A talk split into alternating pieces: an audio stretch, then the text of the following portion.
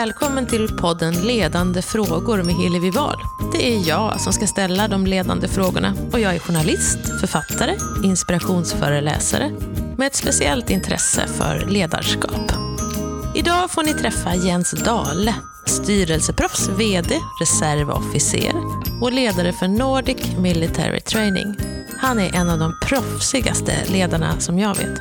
I den här intervjun så berättar han om vad tioöringar har haft för betydelse i hans ledarskap, varför kvinnor borde leda världen och hur man använder sig av positiv förstärkning.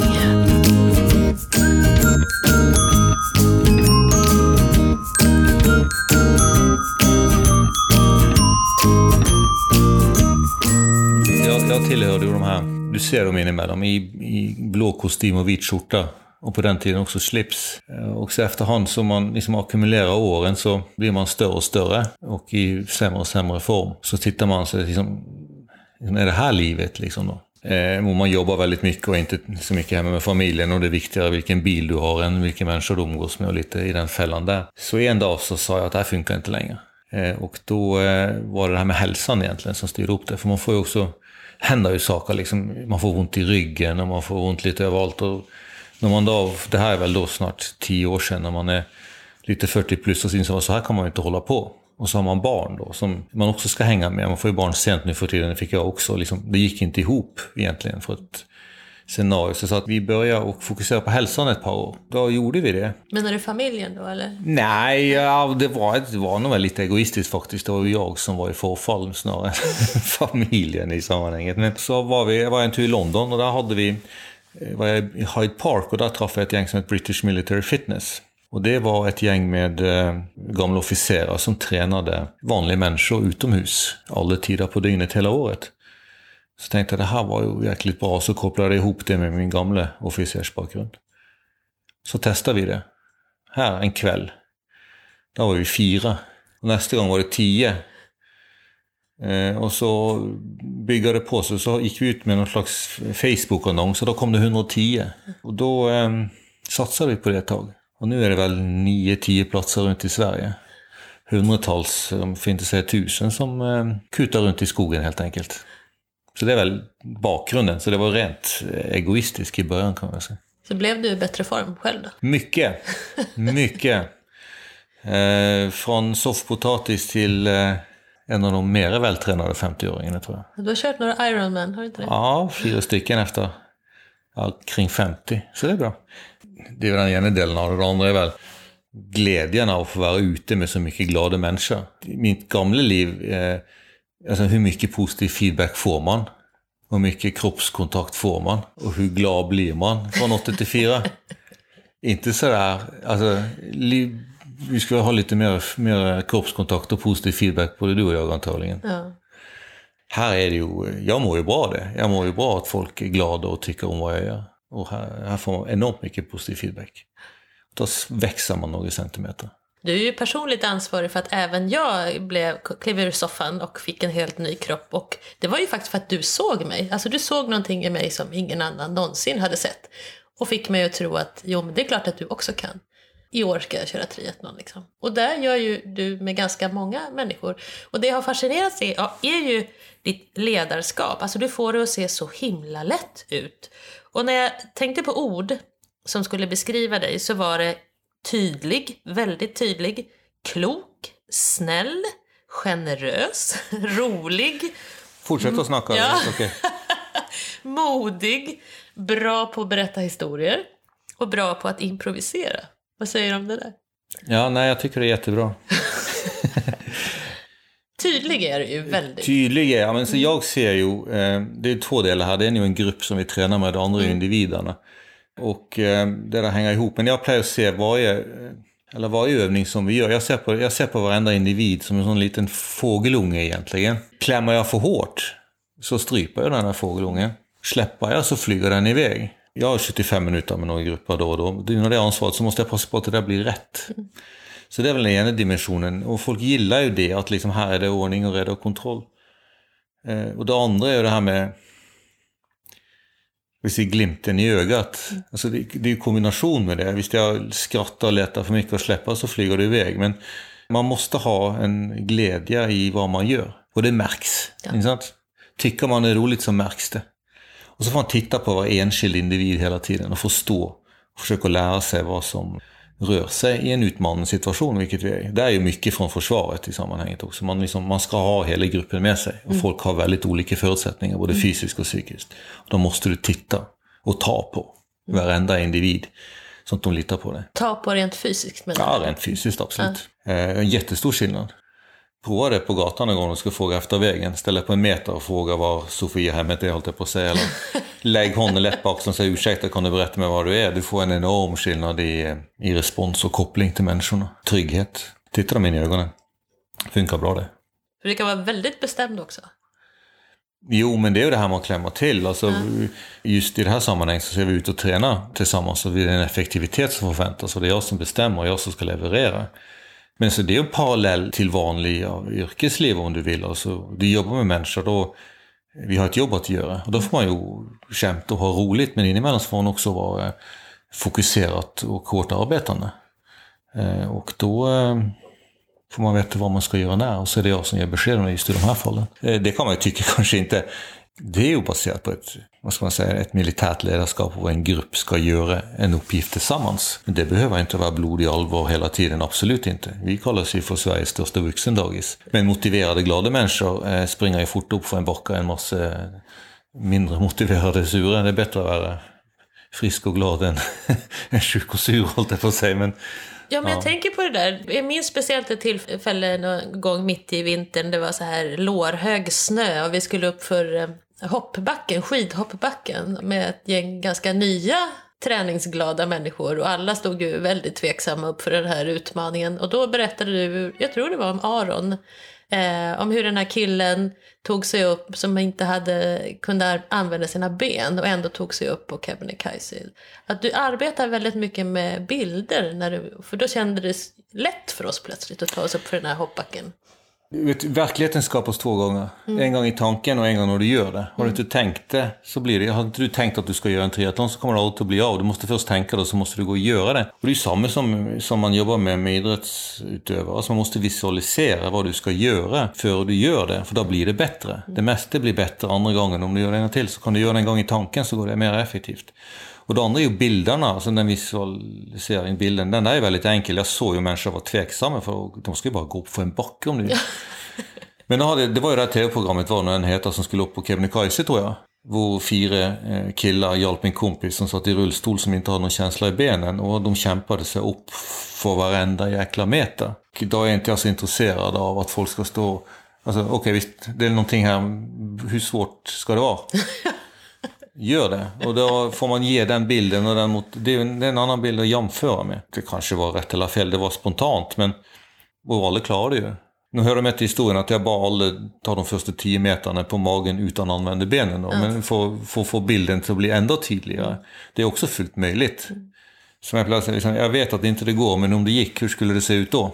Och då löser man det i de flesta fall. Finns nästan ingen omöjlig uppgift där. Nej, alltså vi har ju aldrig inte gjort allting eller klarat allting. Alltså vi har ju haft tusentals pass tror jag där jag har varit med snart. Och eh, allting har ju alltid gått i hand på något sätt. Även om du ska bära folk i mål, för så har det ju också varit ibland. Ja, men det finns, det finns en lösning. Det här med komfortzon som alla pratar om, sånt, vi är aldrig olika på det. Det är klart det finns ju folk som är Eh, det är fantastiska individer som gör de mest fantastiska saker och ting. Men här pratar vi i huvudsak om vuxna eh, människor, helt normala vuxna människor i 30, 40, 50 år.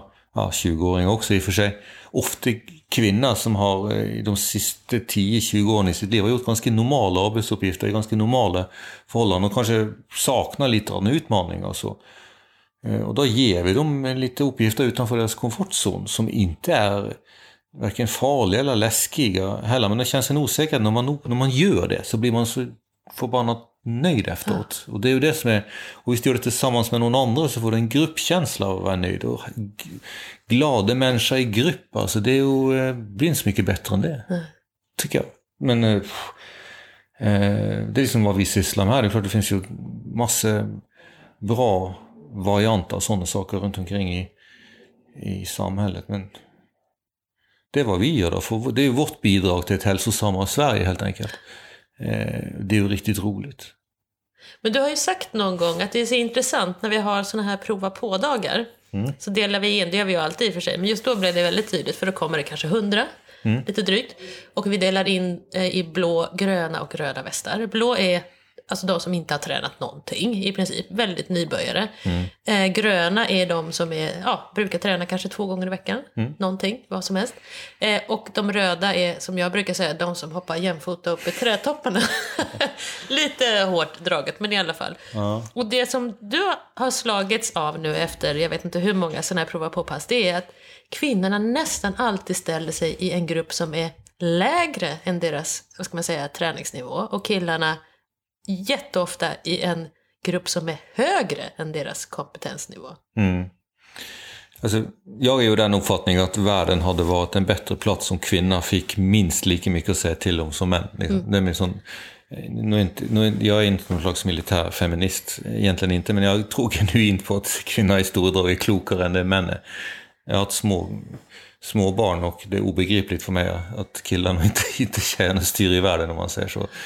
Eh, det är ett sidospår i sig men Alltså, kom ihåg, vilket heter military training, vilket är läskigt. Det är fortfarande bara jätteroligt och de som kommer dit, eh, de har liksom tagit sig över den felaktiga men dock lilla mentala tröskeln om att det här är inget för mig, det är på tok för hårt och så, vilket det inte är. Vi har alla nivåer. Mm. Eh, och så dyker de upp då, de här nya för första gången och så frågar vi då som du säger, ja, liksom, hur mycket tränar du då? Och hur liksom ser det ut här? Är du helt, ska du börja om igen nu eller har du tränat vanligt? Så får du placera dem med ungefär rätt grupp så alla får en, träna med en grupp som de ja, passar ihop med. Och det är det här konceptet av att tjejer underskattar sin förmåga och eh, killar överskattar dem. Och jag har inte något bra svar på det, men det är liksom, jag, jag har gjort det här i några år nu. Mm. Alltså det, det är 99% säkerhet att så är det varenda gång. Eh, och... Eh, så killarna då, de... Eh, de får vi bära runt på sen. För typ, för de, kör, de ställer vi i en grupp och de inte hör hemma, men tjejerna får då, så vi degraderar killarna så uppgraderar vi tjejerna. Ja, eh, det. det. är så vi gör, nu har vi börjat liksom att utmana de tjejerna och ställa, du måste ställa en följdfråga liksom, okej. Okay en kille då på 24, han spelade hockey när han var 16 och tycker de kvalificerar liksom för den tuffa gruppen. Men sen tjej som jämt och trött har tränat på gym till exempel mm. två, tre gånger i veckan i par, hon tycker att hon är med i den andra gruppen. Så då får man uh, alltså bygga självförtroende kring de här. Det är ju det som är lite fascinerande. Då får vi lyfta upp dem och då trycker vi, låter vi killarna få bli degraderade, så lyfter vi upp tjejerna. Så hjälp, måste vi hjälpa till lite och få dem att inse hur bra de är. Mm. Alltså, för du jobbar väldigt mycket med hjärnorna också, det är inte bara kroppen. För du, du är väldigt intresserad av det och, och, och prata med oss om, om eh, också bilder. För det minns jag till exempel när jag hade skrivit på Facebook någon gång att jag var så väldigt alltså, nervös för mm. att gå till träningspasset. För så är det ju, för det är mycket överraskningsmoment. Det är ja. ju sant. Men det är ju också väldigt roligt. Och då vet jag att du tog ett par av oss åt sidan och spände ögonen i oss och så sa du just det där att vad tror du det gör med dig? Om du inte bara säger det till dig själv att du är nervös utan också att du skriver det på Facebook inför 3000 pers. Vad tror du att det gör med din hjärna? Pröva att göra tvärtom, sa ja. du. Och det var ju fantastiskt. När jag skrev att det var roligt, vilket det också var, då fick jag ju själv en helt annan upplevelse, både före, under och efter. Ja. Alltså det där är ju liksom... Eh en slags hobbypsykologi. Eh, man säger som. Det som valde sanningar. Alltså du väljer att jag inte är så, jag är inte så bra och så berättar jag det för hela världen. Mm. Och då blir det någon slags sanning i det hela som jag på något vänster är komfortabel med. Och det vore ju bra om den sanningen var att du är bra. Mm. Och inte att, eh, att eh, jag inte är det. Och jag, det. Man väljer en sanning och så försöker man att kommunicera den dåliga idén ut för att få bekräftelse hos andra människor att jag är dålig. Klart till slut så blir det ju så. Det, så, kan man, så kan man inte hålla på. Det speciellt när inte det är sant. Nej. Det är det som är problemet, ja. det är inte sant. Nej. I många fall här så är det ju väldigt, det här kan jag inte och jag vill inte, jag tycker det är lite svårt. Nej, visst, du kan och du tör och du vill. Ja. Inte måste och borde och möjligen. Du kan och du tör och du vill. Varsågod, och du är jättebra. Och börja säga det till dig själv några gånger om dagen, vi avslutar med det. titta hur bra du är, titta hur bra jag är. Vi måste liksom förstärka den känslan. Och det som vi gör också, när någon har gjort någonting bra så, titt, så är de extremt nöjda internt, så tittar de sig runt och så undrar de, tycker de andra också? Då går vi rakt in och säger vi, jäklar vad bra du är. Ja. Och folk växer ju. Ja. Du skojar, de blir två centimeter längre. Det är den andra, det är den här fysiska Alltså visst, du sträcker dig upp på morgonen och sträcker på dig och, och får bröstet fram och eh, så blir du ett par centimeter längre och du blir gladare av det också. Fysiken påverkar dig och har du ont i ryggen så, och sitter och krokat och så, så blir det också liksom en slags också en lite sån mental negativ påverkan. Så sträck på dig och säg till dig själv vad bra du är. Eh, lite annat kommer det från det här med att vi går in och, ut och repeterar för folk hela tiden hur bra de är. Det är en slags mental förstärkning. Men det är sådana gammalt tricks som kommer från den gamla världen. Var medan vi hade tioöringar. Kommer du ihåg man hade tioöringar mynt? Ja. Tio öre. Ja. Då, hade man, började man, då ska man börja dagen med tio tioöringar i höger ficka. Och för varje gång du sa någonting bra till någon kollega eller någon tillfällig människa på gatan okej. så fick du flytta en tioöring från den ena fickan till den andra. Var har du fått det här ifrån? Är det Nej, norskt? Nej, nej, nej. nej. Det här, det här är, kommer jag, kommer jag ihåg före jag blev, blev snabb och stark så jobbade jag med ledarskap i andra dimensioner. Liksom. Jaha. Så Det är en sån gammal klassisk eh, grej. Men som mental förstärkning när folk gör någonting bra, då, det är samma med barnen. Ja. Alltså, hvis du går inte och berättar för dina barn att de läser för lite läxor eller inte räcker till, så, så tror de ju på det. För att du, eh, de tror ju du vet allt Ja. ungefär. Men i samma så kan vi vara så snäll och ge lite mer positiv feedback till varandra hela jäkla tiden. Ja. Eh, I princip. Speciellt när folk gör någonting bra. Förstärker den positiva känslan. Eh, valde sanning, valde negativa sanningar är inte bra. Nej. Välja någonting positivt. Gör ingenting om den är för, för positiv. Det är bättre att vara fel åt det hållet. ja, det är Jag sant. tycker. Men kan du ha det här också i eh, kostymvärlden? Kan man hålla på att förstärka varandra där också på samma sätt? Eller? För där... Ja, det kan man, men det är ju väldigt, det är därför det dyker upp in emellan sådana figurer som får väldigt mycket uppmärksamhet för att de är bra ledare i sammanhanget. Det är ju de som är bra. Den världen är ju full av extremt mycket dåliga också. Men det är ju en annan diskussion. Alltså folk blir eh, liksom befordrade till sitt inkompetensnivå i många sammanhang. Men så finns det inte nästan att alla, liksom, om jag bara har haft en bättre chef så vore allt så mycket bättre. Jag tycker man ska ta ett ansvar själv i den sammanhangen. Liksom. Man, man skapar sin egen eh, situation i mångt och mycket. Det är alltid externa faktorer som är fel och så. Det är inte, stämmer inte. Det är, ta ett ansvar själv för din eget välbefinnande. Eh, för du, de flesta har väldigt mycket positivt. Gör någonting nytt. Ta de här tre sakerna som du funderar på om du borde göra och gör dem. Mm. Eh, men ja. Mm. Men du, du har ju varit led... Var, är du född ledare förresten? Var du det från början? Var det så självklart för dig att bli en ledare eller chef eller teamleader? Nej, det var det absolut inte. Eh, på något sätt. Men det är ju... Enkelt av oss tycker det är roligt. Det är lite sån entreprenörskap. Man startar lite företag och man har lite jobb och man... Efterhand som man blir äldre så får man låta hjälpa andra. Och det är ju, det är ju den dimensionen som är rolig nu. Snarare än att man har gjort väldigt mycket själv. Men det är ju ingenting som är så roligt som att se andra människor eh, lyckas. Men är det medfött tror du då? Eller är det någonting som du har sett hos någon annan? Eller hur? Vad tror du man får det? Ja, det är väl lite olika. Jag har ingen djup analys av den delen. Men, men eh, det är klart att man kan ramla av pottan när jag var två. så, så, så därefter kom få komma upp. Nej, jag, jag, jag, eh, det är säkert. Men jag har inget bra svar på den frågan. Nej, men jag tänker så här då. För jag menar, du har ju varit ledare ganska länge. Och då har du säkert hunnit analysera dig själv också. Många gånger. Eh, men om, alltså, när är du som bäst som ledare? Det är väl när man får lov till att liksom beskriva möjligheterna och visionen och, och målbilden Mm. eh, i sammanhanget.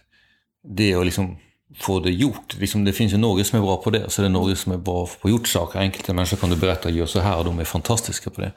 Och så har du andra som kan beskriva, liksom det här, vore inte det här bra? Och mala upp den bilden och göra den motiverande. Det är inte säkert man är världsmästare på att få det gjort sen i efterhand, men det är väl snarare där jag, alltså jag kan få några hundra, ja, tusentals människor egentligen i slutändan till att få ett hälsosammare liv. Vilket påverkar hur de mår totalt sett. Det är en liten del av pusslet. Det finns mycket annat också, jobb och familj och, och massa andra saker. Men just den delen liksom, kan jag, jag, jag kan få vanliga människor till att ta steget ur soffan. Och det är ju ett sätt att bara motivera dem på att trycka på rätt knapp på rätt tidpunkt. Liksom. Det... Men det hänger jag inte riktigt med där. Alltså, i vilket, ähm, alltså, du är som bäst när du själv har ett mål? Nej, Nej. när jag får lov till att ha det målet för andra. Och, för andra? Och ja. måla upp det och ja. driva upp det för att skapa motivationen kring det. Mm. Och det är en viktig förmåga. Mm. Så, måste, ju, måste, så måste man försöka göra det. Mm. Det är kanske en svaghet då i sammanhanget. Ja, alltså vad, när är du som sämst som ledare då, tror du? Nej, det är när man är ensam. Aha. Det, det, det finns ju massor folk som gör fantastiska bra saker. Alltså, forskare till mm. exempel som ja, hittar kurer för vilken sjukdom som helst och som liksom går ner i detaljen och så. Då faller jag gärna. Det, det går inte alls. Jag måste ha människor, positiva människor runt mig. Mm. Få in pulser och så. Det är väl ungefär eh, den delen. Men hur, alltså hur, hur, hur, får man, en sån här fråga som jag har, eh, som är ganska aktuell i mitt huvud, det är alltså hur får man ihop det är många bolag idag som, som ska slås ihop med ett annat bolag mm. och så vidare. Och det här har vi ju en ganska liten skala på militärträningen, att man är en grupp som är jättelojala mot varandra, och man vet sina roller och så kommer det plötsligt chefen och säger att nu ska ni slås ihop med den här andra gruppen. Mm. Eh, och då har vi kanske en eller två minuter på oss och så blir vi jättelojala mot den nya gruppen. Och då är det vi som håller ihop. Men hur gör man det här i, i, i verkligheten? Eller hur gör man för att få två, två helt olika grupper kanske att eh, dra åt samma håll? Det är ju en, det är en, det är en tuff teamfråga. Ja. Eh, som, som ja, en utmaning alltid för att försona storbolag till Eh, grupparbeten på skolan till, eh, ja, det finns väldigt många aspekter får. I, i våran sammanhang när det gäller eh, träningsperspektiv så är det ju hyfsat likadant. Alltså, det är en lite smålöjlig uppgift kanske. Alltså, vi ska hänga i ett trä i fyra minuter. Det är samma som att fusionera Telia och Sonora. Vi, vi klarar i och för sig att hänga, de klarar inte att fusionera bolagen. Men, och det handlar om tusen andra saker också som är, alltså alltid från ledarskap till vilka deltagare du har och målbilder, är det bra för mig och sådana saker. Men just, just i vår sammanhang så är det ju, vi är väldigt tydliga med vad vi ska göra. Mm. Eh, det heller inte, vi ska heller inte liksom, vi har ett alldeles intresse att det ska vara där och är väldigt tydliga med uppgiftsfördelningen. Och så är det det här med, med liksom integritet och fällskap och lösa uppgifter. Um, vi måste hjälpa varandra för normalt alla ska med. Och visst, mm. du, det är klart du kan få det att bli gjort mycket, mycket fortare om du väljer ut de bästa bara i en grupp och kör upp det. Men vi är tydliga med uppgiften att man ska hjälpa varandra och alla ska med och då hjälps man åt. Mm. Något annat är inte ett alternativ. Och det ögonblicket du sticker iväg, som man gör i enskilda grupper, det finns folk som pratar för mycket, det finns folk som tror de kan rädda världen, och så finns det också de som ställer sig lite längre bak, då är det vår ledaruppgift att passa på att alla är med och korrigerar det hela, och det gör vi ju. Och det är ju lite lättare kanske i vårt sammanhang, för det, liksom, det finns olika typer av ledarskap, men vi är ju förankrat i det militära ledarskapet som är väldigt tydligt med att den här upplistan ska göras av den här gruppen. Mm. Eh, gärna så bra som möjligt, men inte lämnar vi någon kvar inte. Nej. Aldrig. Nej. eh, och de som driver de här övningarna i vårt sammanhang. Alltså, det är ju det som, det, som jag tycker är så bra. För menar, jag har väl satt någon vision och något mål med detta. Men de som genomför det, det är ju välutbildade svenska officerare som bryr sig om andra människor. Mm. Och det här är, de gör det för att de vill hjälpa andra människor. Eh, på sin fritid. Det här är alltså välutbildade vuxna eh, officerare som ska ta det här landet ut av ett krig, hvis det blir något i mm. ledarposition. De tar hand om de människorna, så det är ju inte något lågkvalificerat eh, verkstad det här om man säger så. Mm. Och de vet vad de ska göra. Mm. Så det finns, det finns en analogi häromdagen eh, hvor vi, det var lite kallt och surt ute. Och vi skulle krypa och springa och krypa och springa i något dike, vilket är bra för din rörlighet och för din styrka och för din flexibilitet. Lite kyligt kan det vara. Ja, lite lerigt kanske. Lite lerigt och så. Eh, och så det var liksom gruppen, det var lite, var liksom lite murrades lite och då, medan vi gör det så berättar då instruktören om hur det är att gå eh, i 40 grader varmt i Afghanistan i ett dike fyllt av kloak. Och då menar jag riktigt kloak. Och visst du går på sidan så riskerar du livet på några av dina dina eh, kompisar. Och det är 40 grader varmt som sagt och det är ungefär fem timmar kvar. Eh, och det är liksom hans referensram. Och då klart det blir ju tyst i gruppen och så gör vi uppgiften liksom, man säger så. Men jag vet inte hur bra bild det är, men, eh, men eh, det här, jag tycker, jag behöver ju inte jag är fascinerad över hur bra de här är och jag är otroligt glad för att de faktiskt tar sin tid för att ja, hjälpa andra människor på det sättet som de tycker är viktigt.